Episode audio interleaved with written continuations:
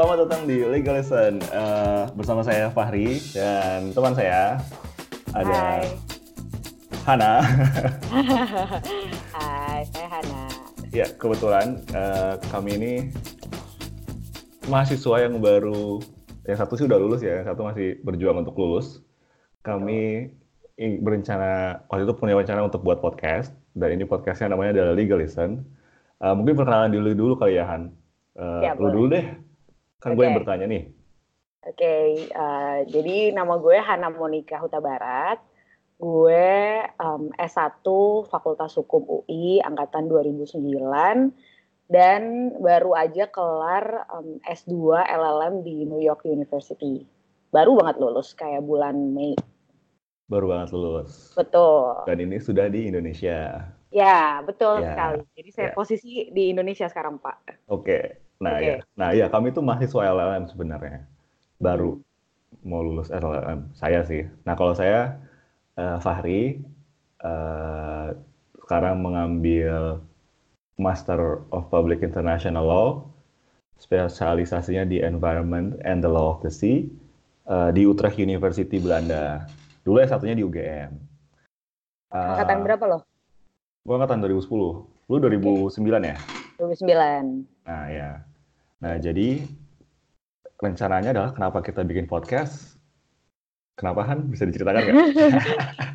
Jadi eh, kalau misalnya dari gue sih karena kan gue udah misalnya kita dapat pengalaman belajar kesempatan gitu belajar hukum selama satu tahun dan kita ngerasa kayak baik nih kalau untuk bisa share apa yang udah kita dapat ilmu-ilmu kita buat nanti siapa tahu berkembang juga untuk teman-teman sarjana hukum yang dengerin kita atau misalnya siapa pun aja gitu yang denger kita karena kita mungkin ke depannya bakal bahas uh, info-info uh, isu hukum lah mungkin yang ada di sekitar kita. Iya, benar.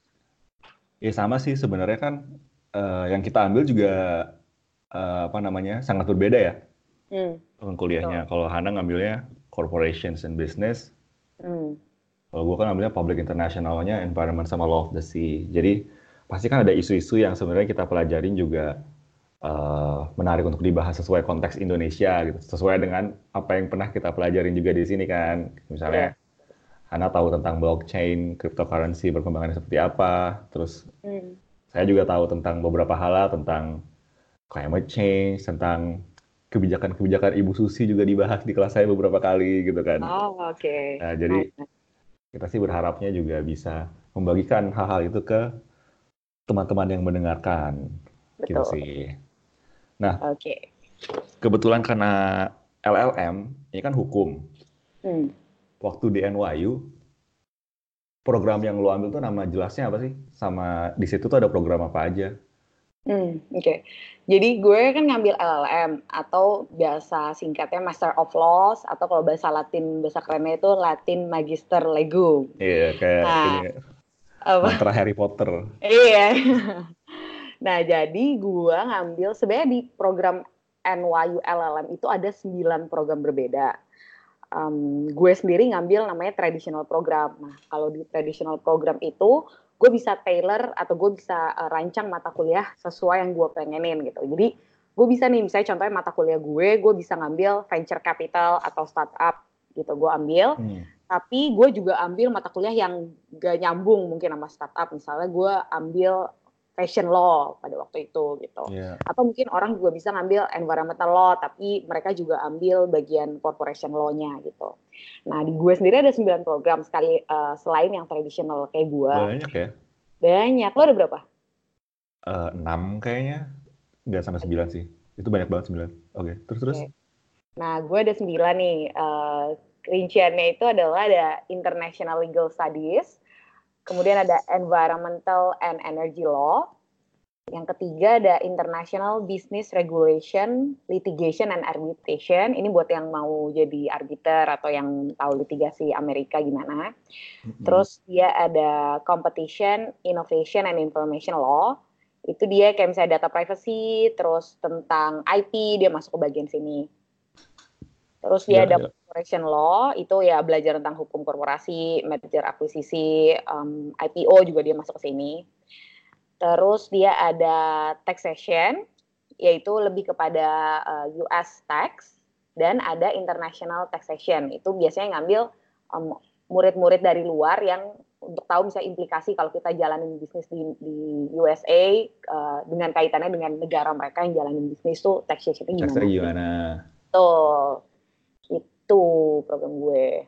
Terus si traditional program ini benar-benar terserah mahasiswanya ya, mau iya. ngambilnya yeah apa mata kuliahnya apa walaupun tapi misalnya garanya jelas ya kalau corporate ya yang corporate tapi mata kuliahnya ABC yang corporate gitu ya betul kalau yang tadi yang lain-lain yang punya spesifikasi mereka ada mata kuliah wajib yang harus mereka ambil terkait program mereka hmm. tapi kalau yang kayak gue tradisional gue bener-bener bisa ambil semua yang gue pengen oh jadi lu nggak ada wajibnya ya nggak ada nggak ada wajibnya gue boleh okay. gitu nah terus kan di mungkin banyak yang bertanya juga sih termasuk gue juga kan nggak pernah berencana untuk ke Amerika waktu S2-nya. Nah, terus kan hmm. banyak ada namanya tuh biasanya LLM, terus ada JD.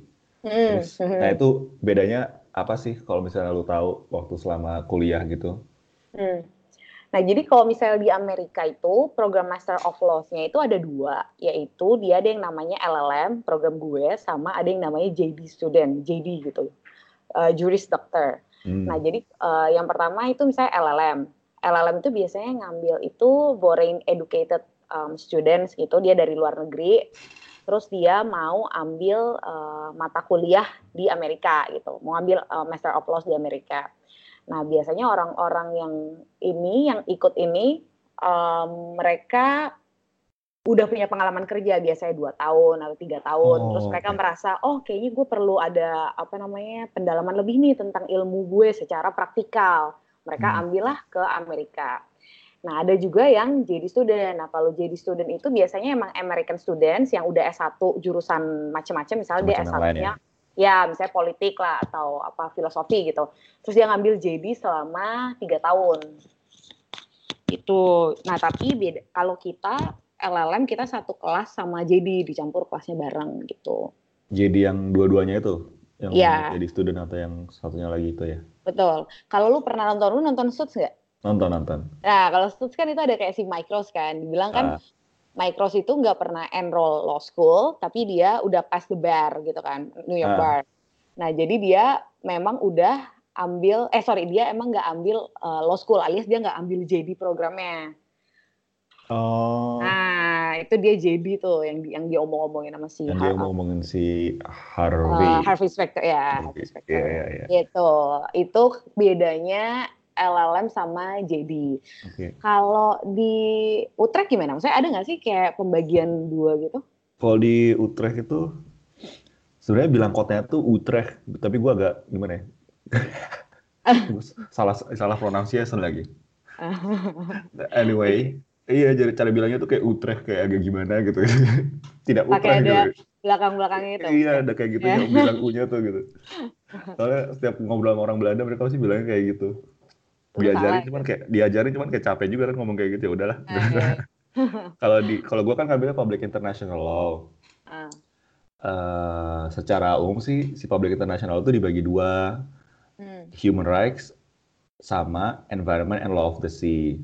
Nah, jadi ada dua tracks ini. Jadi di kelas gua tuh dibagi uh, ada anak-anak yang ngambil human rights sama ada anak-anak yang ngambil environment and the law of the sea. Gak banyak yeah. sih. Uh, total tuh mungkin uh, satu kelas gua tuh cuma ada 25 sampai 30 orang lah gitu. Mm. Dan ini tuh katanya tahun ini adalah tahun uh, Utrecht ngambil anak-anak paling banyak. Tahun-tahun sebelumnya bahkan lebih sedikit, katanya cuma kayak 20 orangan gitu lah satu kelas. Satu tracksnya itu yang dibagi tadi. Okay. Kalau sisanya di LLM di Utrecht itu selain Public International ada European Law. Mm-hmm. Dibagi juga tracknya uh, General EU Law sama European Law and European Criminal Law and Human Rights. Jadi dia dibagi tracknya juga sama. Mm. Terus ada Law and Economics. Dia bisa dapat LLM sama MSC. Bukan bisa dapat LLM dan MSC, dia dibagi dua track lagi. Jadi ada track yang untuk dapat LLM, sama mm-hmm. untuk dapat MSC. Nah ada teman gue yang ngambil lawan economics. Uh, intinya sih ini mempelajari tentang apa ya regulasi dari public sector gitu sih. Kayak dia mm. mempelajarinya tentang health sector regulation gitu. Nah, yang di ngambil lawan ekonomis itu nggak semuanya anak hukum, kebanyakan ada anak ekonomi juga yang bisa mengambil karena digabung memang dia harus belajar kurva-kurva gitulah. Oh. Competition law. Jadi uh, emang makanya ada yang bisa dapat MSc juga, ada yang MSc tracknya. Oke. Jadi itu digabung programnya law sama ekonomi. Tapi dari perspektif regulator gitu ya, bukan dari perspektif private sectornya. Oh, lebih lebih beragam ya. Maksudnya lebih ngasih kesempatan aja sih buat orang dari ilmu lain untuk Ya. bisa belajar juga hukum gitu Ah, kan. ya. Dan kebetulan Hmm. teman gue yang orang Indonesia yang ngambil ini ada satu anak ekonomi, satunya anak hukum. Jadi Hmm. bukti nyata di depan gue gitu kan. Iya iya iya. Oke. Nah, terus ada legal research, Eh, legal research. Titik dua nih dynamics of law in European and international context. Kayaknya tuh topik khususnya. Mhm. Eh, kalau nggak salah legal research ini dua tahun. Terus Hmm. eh, beberapa orang yang ngambil legal research itu bisa ngambil kelas-kelas yang gue ambil juga gitu. Jadi beberapa kali eh, gue di kelas gue misalnya kelas apa ya waktu itu kelas law of the sea ada beberapa anak ada tiga orang anak legal research gitu yang ngambil juga karena itu di tahun keduanya mereka bebas boleh mengambil apa namanya mata kuliah yang mereka suka di program program Hmm. lain tuh. Tapi ini emang emang khusus untuk research sih. Oke oke. Terus ada namanya global criminology, Mhm. ada dua teksnya jadi global crime or crime punishment and security. Hmm. Gue tidak tahu banyak tentang ini karena gue belum pernah menemukan orang yang mengambil ini. Uh, European governance. Uh, ini gue juga kurang tahu European governance isinya apa. Coba Aha. bisa dilihat di websitenya Dari Oke. gitu. Intinya sih dapat ya LLM, tapi ya kayak tadi gue ceritain bisa dapat LLM atau MSc tergantung tracksnya. Jadi ada pilihan tracks dan uh, kalau misalnya mau mengambil LLM di Utrecht itu lebih apa ya? Si kampusnya tuh lebih lebih ke public sector perspektif sih gitu. Jadi kayak kayak tadi gue ceritain law ekonomisnya lebih ke public. Terus gue juga public international ya sangat jelas gue mempelajari tentang pemerintahan dan negara gitu Hmm. kan dan European law. Jadi kayak mungkin untuk jurusan lu di sini tidak ada gitu kan karena dia kampusnya sangat konsentrasi ke fokus ke hal-hal yang berbau publik aja. Oke. Gitu. Eh, di NYU sih ada sih public international law ya kayak atau humanitarian law gitu tapi mungkin fokusnya lebih ke international law atau US law. Nah, gue jadi ingat nih, gue mau nanya, kalau lo tuh jadi belajarnya international law atau European law atau malah Indonesian law yang mana orang-orang berpikir kayak oh ya udah lo kan mau S2 di luar negeri nih Ah. fakultas hukum. Oh ya udah Iya, lo iya, ngambilnya kenapa nggak di Belanda? Itu karena pertanyaan Iya. yang sering ditanyakan ke gue yang kenapa gue ngambil di US. Benar, benar, benar. Ya. Iya, ya, ini juga apa? Sekalian kali ya, kenapa gue akhirnya mengambil eh, apa namanya S2 di Eropa dan di Belanda. Mhm. Nah, ini juga gue harus mematahkan mitos-mitos kenapa Eh. anak hukum harus ngambil kuliah di Belanda atau kalau di Belanda karena semuanya related dengan Indonesia gitu. Betul betul. Tidak sebenarnya, jangan mau kenapa sih kita harus selalu dihubung-hubungkan gitu kayak semuanya related enggak gitu kan cocok logi gitu kan. Enggak, jadi sebenarnya yang gue pelajarin itu hukum internasional.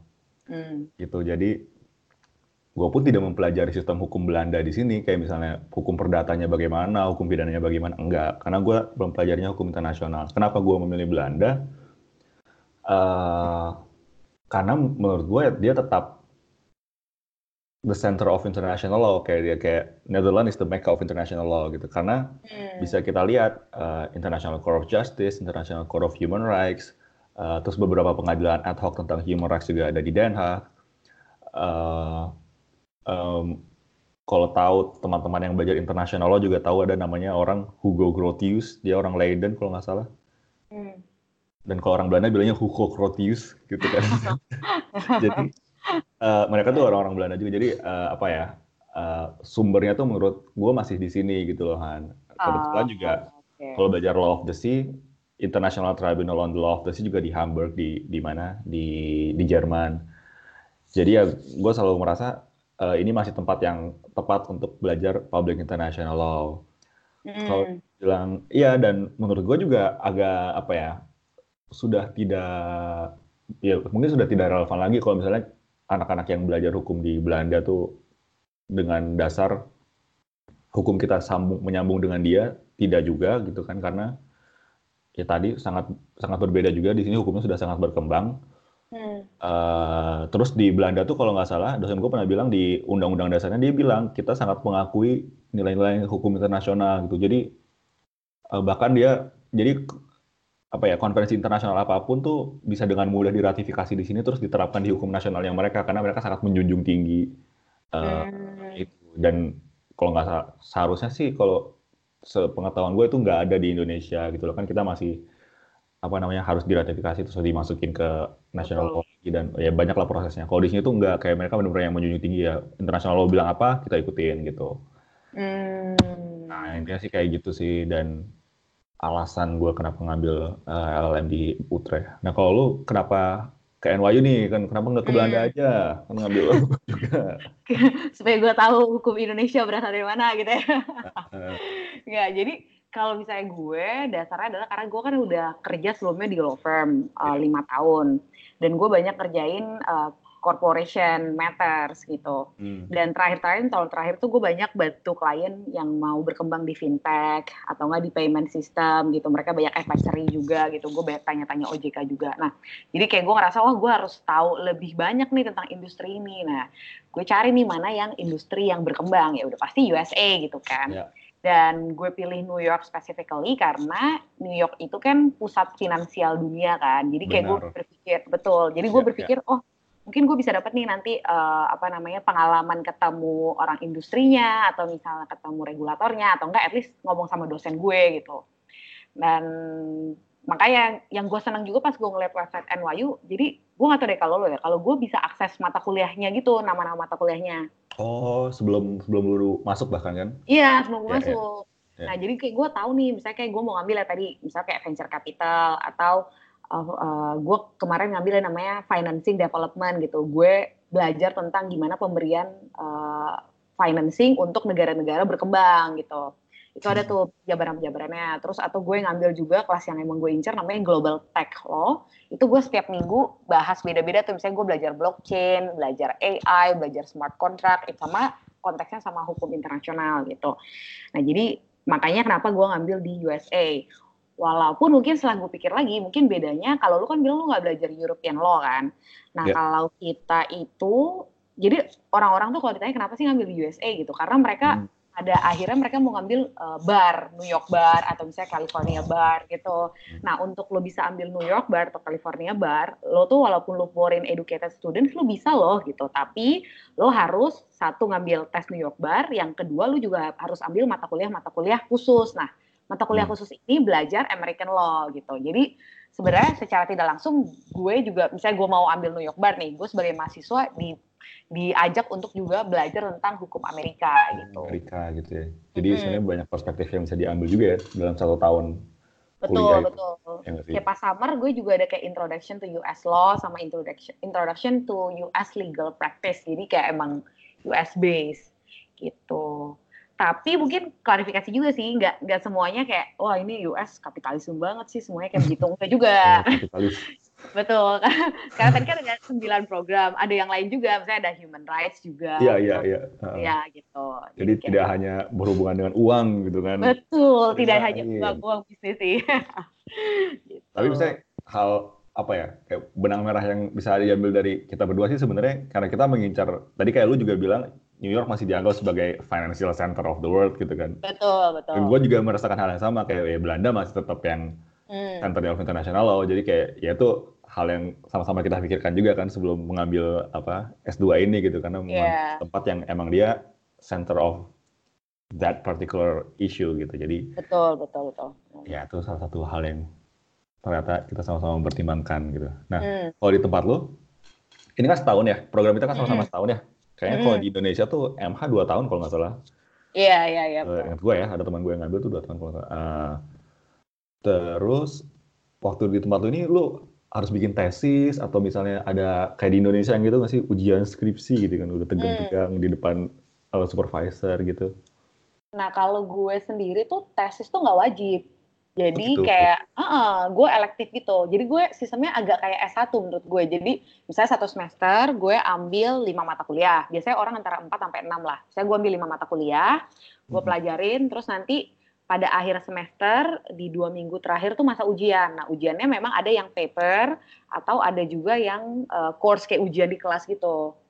Hmm. Jadi menurut okay. gue sih mirip sama sistem kuliah gue waktu gue S1.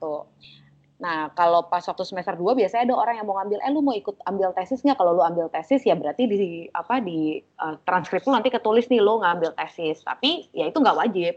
Jadi bisa bisa ambil atau bisa enggak gitu. Jadi benar-benar sampai detik tesis pun di, boleh memilih ya? Iya. Ya, programnya benar-benar Taylor terserah anaknya banget iya. ya. ya makanya kadang saya. kadang tuh susah tapi susahnya manusia kadang kalau kebanyakan opsi bingung juga benar, gitu kan. Benar, kayak milih tiket pesawat sekarang. Iya. Banyak opsi kan, oh murah-murah ini murah. Jadi ini emang nggak ada ini ya, nggak ada tesis. Malah itu kebalikan dari gue sih, gue tuh harus ada tesis. Oh, lo juga, oh Iya ya, berarti lu kayak S1 ya? ya maksudnya, S1. Iya iya iya. Ya. karena kayaknya tuh kampusnya tuh sangat research base kayaknya. Jadi mm-hmm. harus ada tesis, tapi tidak perlu ada tesis defense. Jadi gue nggak perlu berbicara di depan apa namanya uh, supervisor untuk mempertahankan argumen-argumen saya gitu. Jadi gue cuma okay. buat tesis sudah selesai gitu. Uh, tapi tuh kalau nggak salah nggak semua kampus di Belanda gini juga sih. Kalau nggak salah tuh Rotterdam harus ada tesis defense-nya. Mm. Uh, uh, gue lupa sih Leiden tuh ada atau enggak. Kalau nggak salah sih nggak ada ya. Tapi nggak semuanya sih memang. Kalau ya kalau mau rajin-rajin melihat dan tanya-tanya sih ada beberapa yang mm. memang tidak ada tesis defense gitu dan sebenarnya lebih santai juga sih jadinya karena nggak perlu mikirkan deg-degannya harus berbicara di depan profesor-profesor yeah, kan. Iya. Yeah. Tapi gitu. lu gitu juga nggak kayak gue juga nggak kayak harus satu semester uh, lima mata kuliah gitu kan sama lima bulan di sana terus bulan terakhir ujian gitu.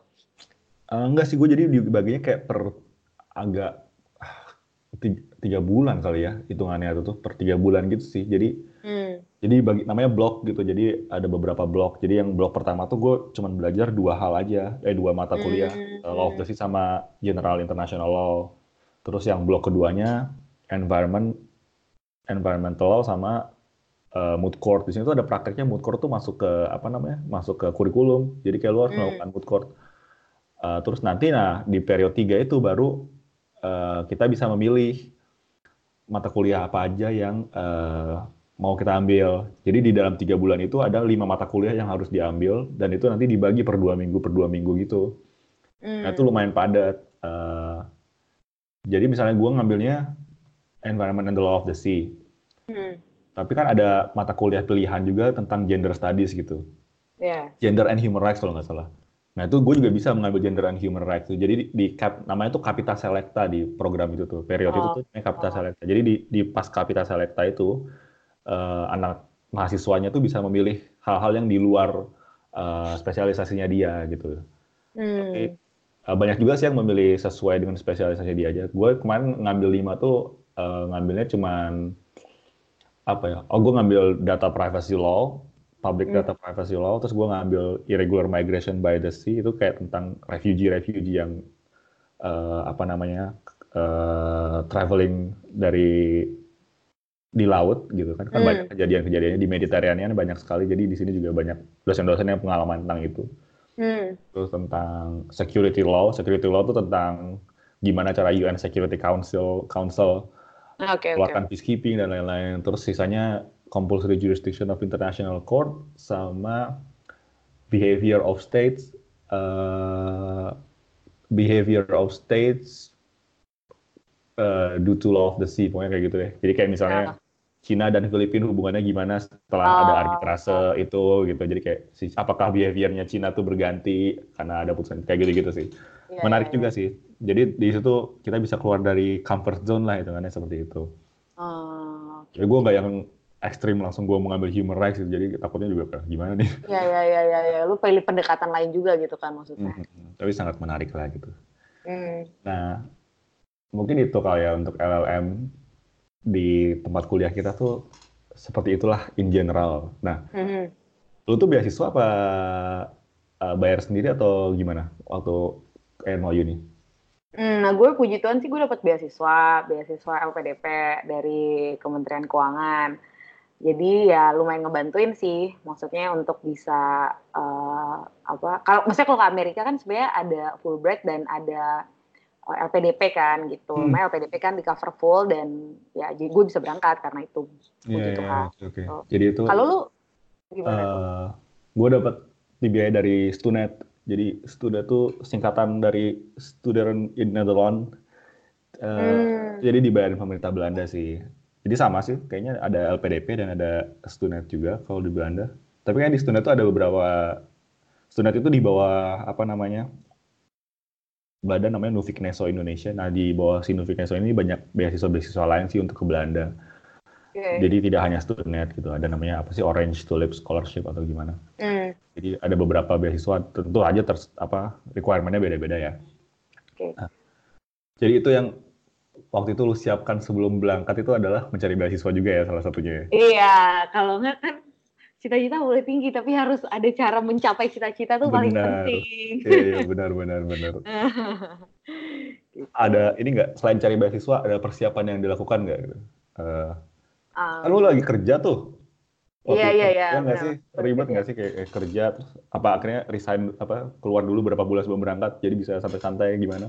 Uh, enggak sih gue emang sambil kerja gue uh, ambil IELTS juga gitu uh, ambil ayat sebenarnya ambil ayat buat daftar sih gitu tapi misalnya udah keterima lah udah keterima udah dapet beasiswa kan berarti kan tinggal bulan-bulan terakhir tuh itu paling gue kayak nyiapin dokumen administrasi yang untuk berangkat imigrasi kemudian hmm. um, gue waktu itu kayak pengen sosok gitu lah gue pengen bisa nih gue baca lah kayak Google Google untuk cari soal Amerika gitu hukum Amerika tau gue nggak ngerti gitu kan atau gue sosok kayak oh gue mau nonton apa film bahasa Inggris makin banyak biar gue makin bisa ngertiin gitu. Tapi gak kaget gitu ya? Biar iya, kaget, gue kaget. Taunya, bahasa Inggris. Nah, betul, gue sadari tau ya kayak nggak guna gitu. Maksudnya kayak ya udah, maksudnya ya udah itu bakal bisa berjalan aja. Dan kalau belajar hukum Amerika kadang ada sesuatu yang hal-hal harus dijelasin kan. Maksudnya saking hmm. dia beda banget sama kita. Jadi kalau kita riset-riset sendiri kadang kurang berguna sebenarnya.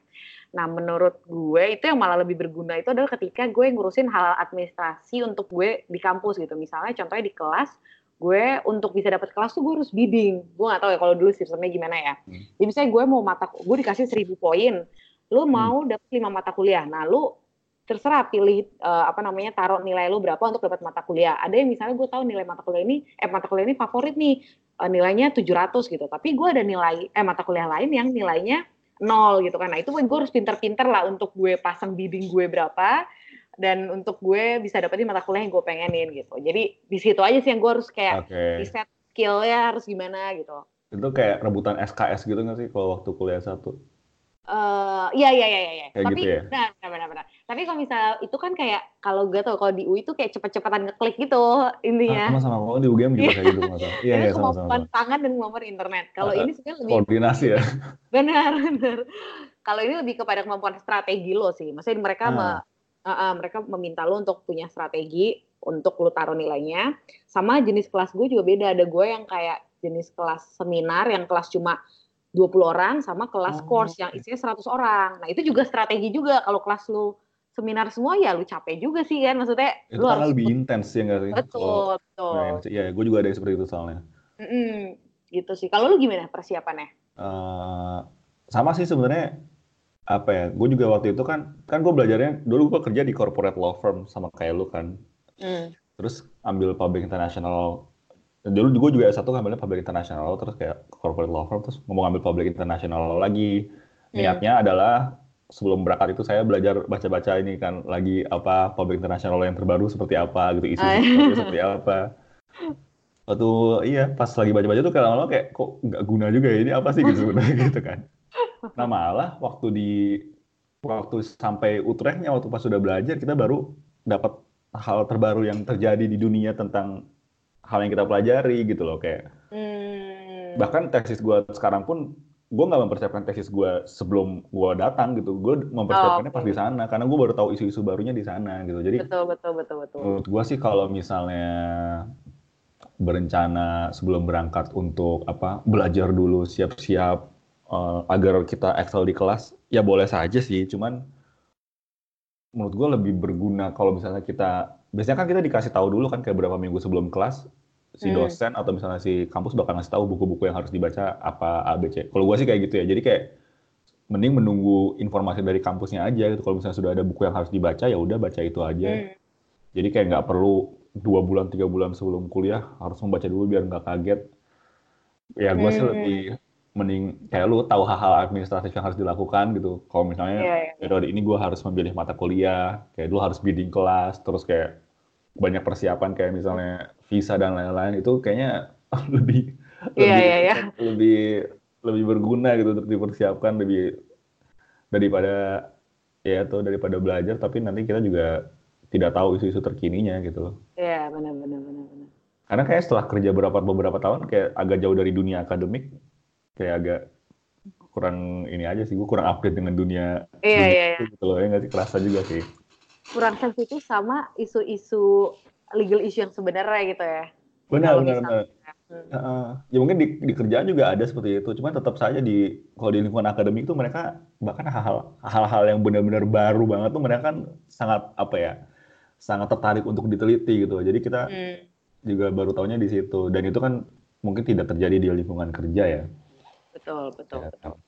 Nah, karena ini udah selesai nih SLLM-nya dan gue juga hampir hmm. selesai sebentar lagi, insya Allah. Hmm Amin, amin selesai lah. Terus uh, apa nih hal-hal menarik, hal-hal penting yang uh, bisa lu ambil setelah mengambil LLM di NYU lo? Hmm. Hmm. Um, uh, kalau gue pikir takeaway gue itu yang pertama itu cara belajarnya tuh harus beda sama kita waktu belajar S1 gitu. Jadi kayak gue menyadari bahwa sistem kebut semalam itu sangatlah tidak mungkin dilakukan kalau lo kuliah di luar negeri. Benar, Jadi, benar. Betul. Jadi kayak saking banyaknya materi ya lo harus rutin maksudnya biasain sebelum kelas baca gitu supaya lo ngerti nih dosen ngomong apa. Jadi mereka kan kalau di kelas biasanya menganggap semua orang ngerti ya. Jadi bukan lagi tenang, oh jadi ini adalah X, ini adalah Y. Enggak, mereka langsung kayak, oke okay, menurut lu gimana, menurut lu gimana. Jadi kayak hmm. kalau kita nggak baca, kadang kita suka kayak, aduh ini udah sampai mana, bingung-bingung gitu. Nah, jadi mungkin dari cara belajar juga yang harus ya waktu itu gue belajar banyak sih untuk proses itu gitu.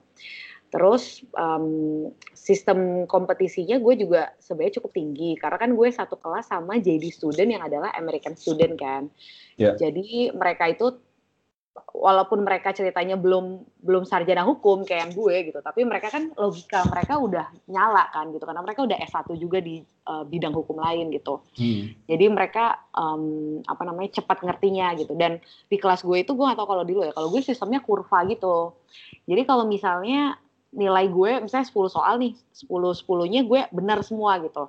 Tapi jawaban gue mungkin ada orang lain yang juga 10 benar tapi jawabannya lebih lebih bagus kalimatnya, lebih mudah dimengerti dan sebagainya. Nah, gue bisa cuma dapat B atau B B misalnya dan mereka bisa dapat A atau A minus gitu. Oh. Jadi itu yang bikin kompetensi tinggi karena kayak lo lo usaha juga kadang tuh memang ya pasti di mana-mana di hidup ini selalu ada orang yang lebih baik dari kita gitu kan. Yeah, tapi yeah. ya itu at least bikin kita jadi lebih ini aja sih lebih semangat gitu untuk dapat dapat yang baik gitu. Untuk Excel ya.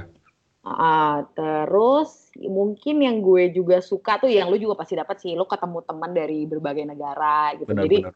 perspektif lo tuh tentang mereka bagaimana mereka melihat uh, apa namanya negaranya tuh gue bisa tahu gitu. Kayak misalnya teman gue dari Cina gitu. Misalnya gue apa namanya diskusi sama mereka, iya terus mereka cerita sebenarnya mungkin stereotip orang tuh orang Cina tuh um, misal turis Cina lah stereotipnya kan kayak nggak nggak tertib kemudian tidak tahu etika kalau lagi turis atau lagi jalan-jalan gitu. Tapi mereka bilang iya sebenarnya tuh kita udah mulai ada ini nih perubahan apa namanya perubahan pemikiran gitu. Jadi kita mau lebih maju dan itulah mengapa mereka semangat untuk kuliah di luar negeri. Dan hampir kalau mereka maksudnya sarjana hukumnya hampir semuanya ngambil LLM di Amerika gitu. Misalnya karena mereka hmm. tahu kompetisi semakin tinggi yeah, gitu. Yeah, Terus yeah. kayak mereka harus bisa uh, dan bahkan orang Cina aja banyak yang ngambil JD program tadi yang tadi gue bilang buat American student oh, tuh yeah. banyak. Uh, uh. Jadi kayak mereka emang saya gue belajar di situ kayak oh ya lu tuh uh, apa namanya harus terus semangat untuk kompetisi karena ya memang orang-orang di sekitar tuh bisa aja kayak gitu sekitar in maksudnya dalam konteks dunia gitu ya. Iya iya iya. iya. Itu sih yang gue pelajari dan maksudnya kalau lu usaha juga lu bisa ikut kompetisi itu gitu kan iya Gak yang iya, kayak kita nggak perlu binder yang kayak aduh gimana ya gitu kan iya maksudnya mereka juga kesukaan tapi ya maksudnya kita ada di di das maksudnya kita lagi jalan di titik yang sama gitu ya. jadi kita uh. bisa gitu mm-hmm. gitu kalau lu apa nih maksudnya nah. selama hampir berapa? 10 bulan ya berarti lo? Apa 11 Ini bulan? 11 bulan harusnya. Iya. Oke, 11 bulan. Lo apa yang lo dapat? Itu sama sih satu cara belajar sistem kabut semalam itu tidak berlaku di kehidupan saya yang saat ini gitu kan. Betul, Itu benar-benar nggak bisa banget sih. Itu benar tidak bisa. Eh, karena emang apa ya? Kita udah tidak mempelajari teori ini apa maksudnya gitu loh. Kayak udah Hmm. kita mempelajarinya benar-benar sistem gitu. Ya hukum kan sebenarnya sistem. Jadi kayak belajar benar kayak konsep terus sistem. Jadi kayak harus paham itu agar kita bisa menjelaskan waktu ujian gitu misalnya seperti itu kan. Betul. Uh, terus uh, gue nggak tahu ya sistem kelas gue tuh kurva kayak lu atau enggak. Cuman kalau di Belanda itu sistem angka nilai itu 1 sampai 10. Hmm. Kalau nggak salah di bawah 5 itu fail deh atau di bawah 4 gue lupa. Cuman ya memang dapat 6 atau dapat 7 di Universitas Belanda itu itu sudah sudah baik lah gitu. Itu udah rata-rata orang dapat 6 tuh udah rata-rata. Terus Hmm. dapat ya dapat 10 tuh tidak ada biasanya. Mereka sendiri yang Hmm. bilang. Ah, oke. Nah, jadi kalau misalnya ada yang mau kuliah di sini terus akhirnya mereka dapat 6 atau 6,5 itu sebenarnya tidak apa-apa, itu rata-rata kok gitu. Jadi kayak disyukuri saja gitu loh. Jadi Hmm, ya. Eh, maksud gue memang apa ya, susah gitu. Kuliahnya susah dan menantang, tapi bukan berarti tidak bisa gitu loh. Eh, apa ya? Sebenarnya banyak soft skill yang harus kita manfaatkan sih. Maksudnya kalau belajar tuh menurut gue orang-orang Indonesia tuh pintar kayak kita bisa mengikuti dengan mudah lah. Cuman emang soft skill yang kayak kita harus adaptasi dengan cepat gitu loh yang kayak Hmm. oh eh, kemarin gue salahnya di sini terus eh, kita harus adaptasi untuk berikutnya gimana caranya. Eh tadi sistem kita harus kompetisinya juga kita harus kompetitif juga gitu untuk eh, mengikuti yang lainnya. Kalau misalnya Hmm. gue tuh kemarin, nah kalau di Utrecht tuh misalnya habis ujian atau habis ada paper, si dosennya selalu Hmm. ngasih feedback kayak Oh, oke. kayak ada evaluasinya gitu. Bukan Iya, evaluasi, iya, emang feedback kayak ini kayak kurang di sini kurang di sini. Jadi itu benar-benar ngebangun si anak-anaknya juga yang eh, misalnya kebingungan. Dia tahu juga oh dosennya expect-nya seperti apa, berharap seperti apa dari tugas itu, terus dosennya maunya seperti apa, terus kita juga tahu oh salahnya di sini jadi harus dibenerinnya di sini nanti gitu. Kayak kurangnya di sini untuk eh, argumentasi hukumnya jadi harus ditambahin hal ini kayak gitu. Jadi sangat membantu juga sih. Eh, Hmm. dan dosen tuh sangat profesional ya di sini Hmm. eh, apa ya mudah dihubungi lah, mudah dikontak gitu. Jadi kayak dan kalau misalnya kita benar-benar nanya dari email atau misalnya ketemu ngobrol, eh, dia bakal mencurahkan perhatiannya tuh ke ke mahasiswanya. Hmm. Benar-benar eh, itu sih hal-hal yang menarik dan gue sangat suka di sini. Dan sama Hmm. juga kalau cultural differences eh, sama sih.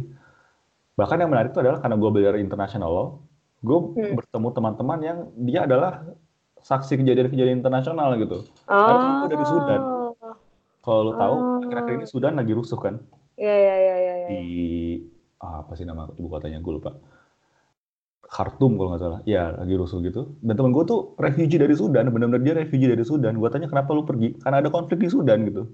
Oh. Jadi kayak emang ada saksi-saksi internasional hukum apa kejadian internasional yang belajar di satu kelas sama gue gitu. Itu itu menarik menurut gue. Sama ada Iya. orang-orang yang gue tanya, gue pernah nanya, kan orang kalau nanya kayak, ya where do you come from, lu dari mana? Philippines, sebenarnya dari eh, Spain atau gimana? Ada orang gue tanya dari mana? Dia bilang dia Kurdish gitu loh. Kalau lu tahu Hmm. Kurdistan itu kayak apa ya? Dia kayak kalau nggak salah kayak suku atau masyarakat yang tersebar di beberapa daerah di Timur Tengah gitu loh. Kayak kalau nggak salah Hmm. Irak gitu-gitu. Dan mereka tuh selalu mencoba untuk mempunyai negara sendiri gitu loh. Oh, oke. Tapi dia udah Kayak nation gitu ya, nation gitu berarti hitungannya nggak sih? Ya, maksudnya mereka bangsa tapi yang Iya tidak iya iya mungkin ya. Tapi mereka kan. punya teritori gitu loh. Iya, iya, Dan iya. kayak si anak ini tuh belajar hukum internasional juga memperjuangkan hak-hak dia sebagai Kurdish gitu loh.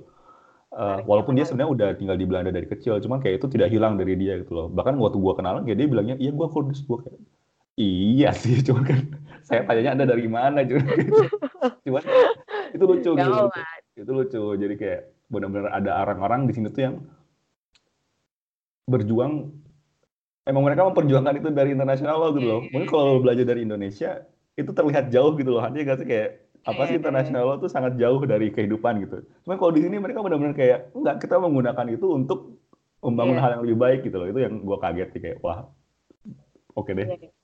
Itu sebenarnya sama kayak gini kalau kita eh, ke- apa namanya cita-cita. Kenapa lu jadi dokter supaya gue bisa ngobatin orang tua gue? Kalau di sini kan seperti itu ya Oh konteksnya, iya benar-benar. ya Benar. kan? Iya gitu. bagus bagus terus selama oh. di setahun tuh ada hal-hal menarik kayak ekstrakurikuler gitu ekstrakurikuler gitu ekstrakurikuler ada ada ada jadi di kampus gue itu menariknya uh, misalnya lu bisa mengembangkan sisi akademis atau sisi, uh, sisi apa namanya fun yang lu pengen yang lu suka gitu. Misalnya gue kalau gue sendiri saya gue ikut Journal of Intellectual Property and Entertainment Law gitu. Jadi gue bisa hmm. jadi staff editor gue belajar nulis dan belajar juga untuk um, tentang isu itu secara khusus gitu. Dan ada banyak jurnal lain lah di berbagai macam bidang. Nah tapi ada juga yang uh, organisasi per berdasarkan suku atau bahkan ras gitu. Misalnya kayak ada um, law student for um, for Brazil for Brazilian people gitu atau misalnya ada Asian Pacific, terus dia juga ada Women of Color Law Association, terus ada juga yang berdasarkan minat nih, misalnya sport law atau student animal legal defense fund gitu. Jadi kayak oh. belajar kalau gue cara ngelindungin hak hewan gimana gitu. Yeah, yeah. Terus ada immigrants law society. Jadi ada banyak sih. Itu yang dari segi organisasinya. Yeah. Atau bisa juga kayak bantuin jadi research assistant atau teaching assistant. Hmm. Nah, cuma yang paling agak-agak eh kalau, kalau ngomongin cultural difference itu kayak kalau di gue yakin bukan cuma di NYU sih, tapi di sekolah Amerika lain juga mungkin ada. Itu ada namanya bar review. Hmm. Jadi itu bukan di bar, bar, bar exam hukum kan? Bukan, bukan. bukan. Itu literally bar. Literally bar. Dan, ya, dan setiap minggu tuh kita pergi ke bar yang berbeda. Itu kayak di, di organize sama apa namanya BEM-nya gitu, sama BEM hmm. kampusnya. Jadi kita ke setiap minggu kita ganti bar terus nanti kita dikasih tiket minum juga gitu jadi kayak oh. mereka mewadahi mewad, memberikan wadah kepada kita untuk bisa ketemu teman-teman dan juga untuk yang bersenang-senang ala barat ya. ya ala barat. ala barat. ya kalau kalau topiknya cultural differences gitu. Yeah. Tapi ya itu seru-seru aja gitu dan ya terus kita kayak bisa nyobain Halloween kayak gimana terus misalnya kayak oh, okay. party yang ball yang pakai gaun cantik gitu gitu jadi banyak ini ya sih aktivitasnya kalau dari segi kampus yeah. kalau yang non kampus juga kadang permias juga ada kan Indonesia-nya itu ya hmm, ada kayak PPI-nya gitulah gitu hmm, nama PPI di sana permias ya hmm.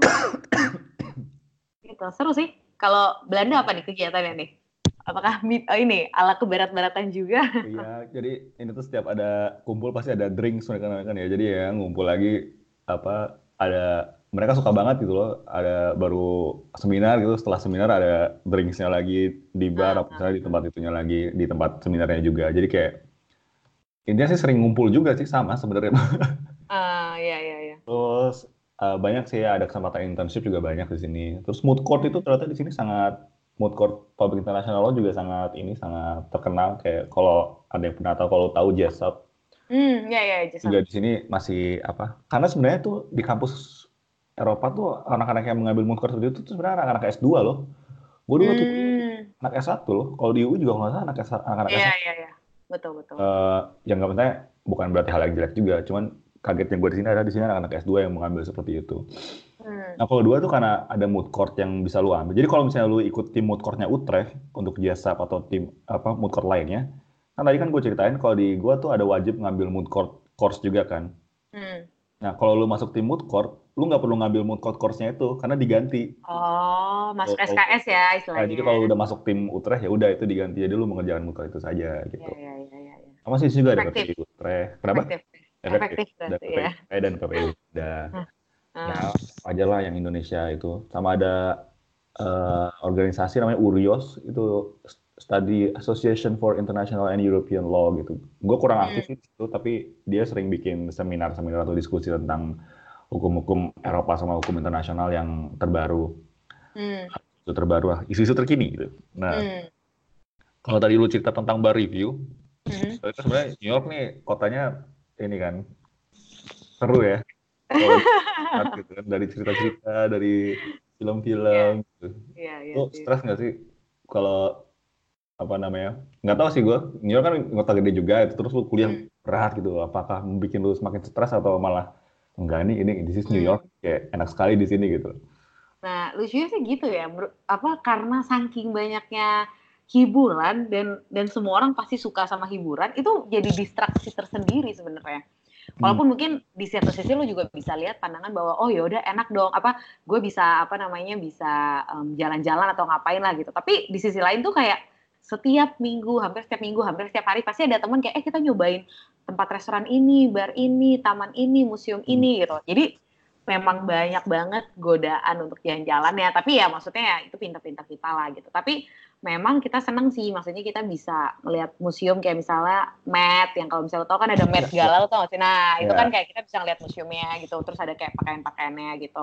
Terus kita juga banyak banget bentuk hiburannya kalau misalnya suka Broadway, ada Broadway uh, apa namanya studio kan di mana-mana. Kemudian ada bisa nonton opera, musik opera gitu. Terus atau misalnya yang suka olahraga, oh yaudah uh, ada namanya kan ada Barclays Center, ada Yankee Stadium gitu. Terus um, ini nih, lu nonton ini nonton ini gak sih apa uh, Tonight Show Tonight Show gitu? Oh iya Jimmy iya. Fallon, Jimmy Kimmel. Benar benar benar benar. Nah itu sebenarnya itu gampang, bukan gampang sorry. Itu lu belum itu bukan harus bayar tapi lu tinggal email cepet-cepet ini kayak tadi cepet-cepetan tangan aja kalau bidding di mana-mana ya iya kalau semua gitu kompetisi tinggi kalau kalau lu beruntung lu dapet tiket nah gue dapet Jimmy Fallon nah, lumayan sebenarnya ada juga Trevor Noah cuma gue gak pernah dapet tapi temen gue yang dapet dan itu possible gitu gratis ya hmm, gratis gratis oh, gratis oke okay. lumayan yeah. tips and tricks kan banyak yeah. orang tahu tuh kalau itu gratis Iya, tinggal lu tinggal Hanya mau berkompetisi kayak, aja gitu kan. Iya, cuma mau cepet-cepetan klik gitu. Sama mereka nggak boleh post ya, wajar lah ya. Di dalam nggak boleh post gitu. Gitu. Wajar, wajar. Itu sih hiburan. Kalau lu gimana nih kan apa namanya Utrecht itu kan kalau misalnya di pandangan gue tuh kayak kota yang damai nggak damai juga sih misalnya Belanda aja sih kulturnya iya, seperti iya. itu kan nah itu itu gimana tuh hiburan lo ya, sangat tenang sih sebenarnya kotanya nah serunya Utrecht itu adalah dia tuh benar-benar di tengah-tengahnya Belanda gitu kalau hmm. lu kan di Jakarta kan tahu stasiun Manggarai itu kan hmm. kayak hubnya kereta-kereta komuter di Jakarta. Nah, Utrecht itu stasiunnya kayak gitu juga, gede terus oh. uh, orang-orang kereta-kereta dari daerah lain kalau misalnya mau ngelewatin tengahnya Belanda itu pasti uh, transitnya di Utrecht. Uh, mm -hmm. Karena di tengah, jadi gue tuh dekat ke mana-mana. Uh, hiburan gue, jadi Belanda ini kan negaranya kecil ya. Paling jauh tuh misalnya mm. gue ke Groningen tuh dua jam lah dari Utrecht. Maksudnya Hmm, itu pindah kota lain tuh cuma butuh 20 menit dan itu kan tidak terjadi di Indonesia gitu loh. Ya ke Bekasi yang paling dekat itu 45 menit gitu kan. Jadi kan kayak ya, sangat seru gitu. Jadi gue kalau weekend tuh dengan mudah gue bisa ke Amsterdam cuma 20 menit dari Utrecht gitu. Uh, oh. Leiden ke Den Haag juga 20 menit. Ke Leiden mungkin 50 menit lah. Ke, ke Den Haag juga 40 20. Jadi kayak sangat dekat. Ke Rotterdam gue juga dekat. Uh, enak lah di Utrecht tuh sangat enaknya karena dia di tengah-tengah, terus kotanya juga tenang. Uh, Utrecht tuh banyak yang bilang dia kayak mini Amsterdam, dia ada kanal-kanalnya juga. Jadi kalau biasanya tuh orang-orang yang mau naik apa menyusuri kanal, tapi di Amsterdam oh. ramai, mereka ke Utrecht gitu. Karena sama oh. juga. Orang sama juga dan dan sorry dan 20 menit juga kan lu bilang tadi. Iya, Deket juga gitu kalau mau nyusuri. Iya, iya. Kenapa tidak diambil saja gitu. Orang mungkin kurang tahu Utrecht karena ya jarang disebut aja kali ya. jadi kalau pada mau mengambil hukum internasional ya Utrecht saja gitu. Mana-mana deket kok gitu loh. Yeah, gitu. Jadi kayak uh, dan kotanya juga karena dia hub kereta ya hitungannya dia juga kota besar salah satu kota besar di Belanda. Hmm. Itu sih. Seru lah uh, banyak hiburan juga. Tapi mungkin kalau hiburan sih gue masih yakin gue masih banyak New York sih pasti kalau tempat makan dan hmm. apa. Di sini yeah. tidak terlalu sebanyak itu, cuman ya emang ya tipikal Belanda aja sih kayak tenang aja gitu kan. Yeah, flat yeah, aja yeah, hidup yeah, jadi yeah, kayak yeah. ya udahlah nggak ada beban gitu kan kayak gitu. Iya iya iya benar benar benar. Iya. Mungkin terakhir nih gitu uh, lu kan udah lulus ya. Mm-hmm. worth atau tidak sih pengalaman sebagai mahasiswa LLM itu? Um, kalau lu tahu apa yang mau lu lakuin untuk ke depannya menurut gue worth sangat berguna sih. Saya kayak um, misalnya lu tahu nih oh gue misalnya contohnya lu deh lu pengen jadi uh, justice gitu atau ya justice di Indonesia lah misalnya hmm. misalnya gitu kan. Nah kan ntar ada ilmu-ilmu atau enggak pola pikir pola pikir uh, logika hukum yang lu pelajari yang mungkin kalau di Indonesia lu nggak bisa pelajari gitu. Atau ilmu-ilmu yang mungkin kalau kita terapkan itu bisa uh, membuat hukum Indonesia dengan penerapan yang lebih baik gitu. Jadi menurut gue dia sangat berguna sih untuk membangun karir masa depan. Kalau untuk gue ya karena gue pengen fokus di fintech, di tech law atau misalnya di corporation karena gue dapat dari negaranya langsung yang banyak mengurusin tentang hal itu, yaitu menurut gue bisa diterapkan di Indonesia yang sekarang masih industri yang masih berkembang banget gitu. Iya, ya. Lu bisa hmm. jadi pionir gitu ya. Aduh, amin, gitu. Pak. Monica. iya, udah, udah, udah. Amin, Pak. Iya ya. sih, worth Ya, gue juga rasa hal yang sama sih. Maksudnya, mm -hmm. Uh, ya kalau pendidikannya mungkin uh, lu bisa dapat pendidikannya di mana aja gitu. Misalnya kayak orang bisa belajar hukum laut di Indonesia pun bisa gitu.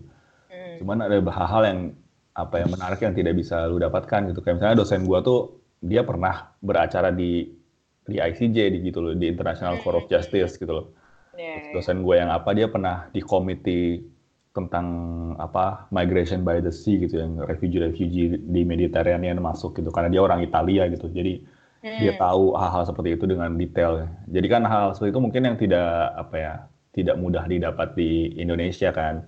Wah, betul. gitu dan apa ya worth the effort juga sih kalau ya gue kalau di sini merasanya sih di Utrecht tuh kalau kalau lu perform dengan baik biasanya nilai yang keluar adalah baik gitu kalau misalnya agak kurang ya memang nilainya juga sesuai gitu jadi apa ya ya mereka lumayan fair sih di sini untuk uh, memberikan hasil gitu ke hmm. anak-anaknya.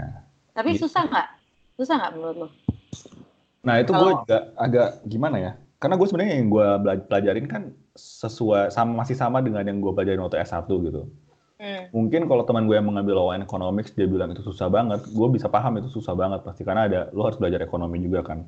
Hmm. Uh, tapi gue nggak bilang karena sama jadi gampang banget, enggak, pasti tetap susah dan menantang gitu karena banyak hal-hal beda yang gue pelajarin juga.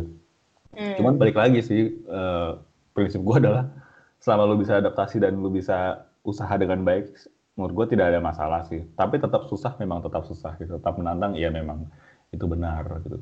Plus kalau misalnya gue mengambil yang hal yang berbeda ya, kayak tadi gue mengambilnya European Law gitu. Kalau itu mungkin gue udah menantang, ya emang itu susah banget gitu. Karena kan berbeda sekali dengan yang gue ambil waktu S1 gitu. Hmm. Kayak gitu sih. Hmm. Kalau gue, gue lupa ada satu yang menurut gue gue dapet banget nih. Jadi kayak semua dosen gue mungkin dosen gue juga ya kayak dia tuh misalnya ada uh, jadi gini nih hukumnya bla bla bla. Dia tuh selalu nanya why lu tau nggak kenapa kayak gini kenapa kayak gini kenapa kayak gini? Oh, jadi itu bener, bener, bener. salah satu yang gue rasa itu nggak gue alami waktu di S1 jadi gue beneran kayak berusaha mikir nih kenapa ini kenapa? Jadi kayak mungkin itu juga yang apa namanya yang bisa uh, yang mungkin belum tentu diajarin di Indonesia. Atau mungkin sebenarnya lu juga bisa belajar sendiri. Tapi kan kalau ada orang yang nanyain lu lu beneran teng gitu kayak oh gue yeah. harus mikir kenapa kenapa? gitu. Itu mungkin yeah. yang yang bedain sih. Yang yang atau bikin itu jadi word juga karena kita S2 juga kali ya pertanyaan mengapa itu lebih banyak gitu kali ya kayak hmm. why kenapa ini kayak gini gitu loh dan mereka emang ada jawabannya sih jadi kayak iya iya iya mungkin ya. juga bisa jadi ya cuman itu menarik sebenarnya sih kayak ada aturan apa kenapa ini seperti ini gitu hmm itu uh, hal yang baru yang gue dapat juga sih di sini. Ya dan dan kayaknya ilmu pokoknya juga nggak berlaku di sini. Pokok. pokoknya deh. Ya pokoknya gitu lah. Yang, yang buat gimana gitu. Nggak gitu. Nggak gitu benar-benar benar. Iya sih benar, banget sih kalau itu. Hmm. Iya sih. Ya mungkin itu kali ya untuk uh, episode pertama nih. Iya. Teaser episode ya episode oh, iya main juga nih ya mudah-mudahan bisa berguna dan apa ya orang-orang juga ya bisa jadi ini juga sih bahan pendengaran dan bahan iseng-iseng aja mhm. karena mungkin setelah ini kita akan berdiskusi hal-hal yang rada serius. Ya. Iya, yang lebih ke hukum-hukuman ya. Iya, gitu, hukum-hukuman gitu. uh, mungkin itu aja kali ya untuk eh, episode pertama kali ini. Jadi kalau kalian yang mendengarkan, kalau bisa sih follow podcast kita di Spotify. Hmm. Kan ada tombolnya kan, kalau follow aja gitu. Iya kan? Ya nggak sih? Iya tahu. Gue lupa deh. kayak follow playlist gitu loh. Kayak, kayak oke okay, anyway. Uh, terima kasih sudah mendengarkan. So, we'll see you again in the next episode. Bye.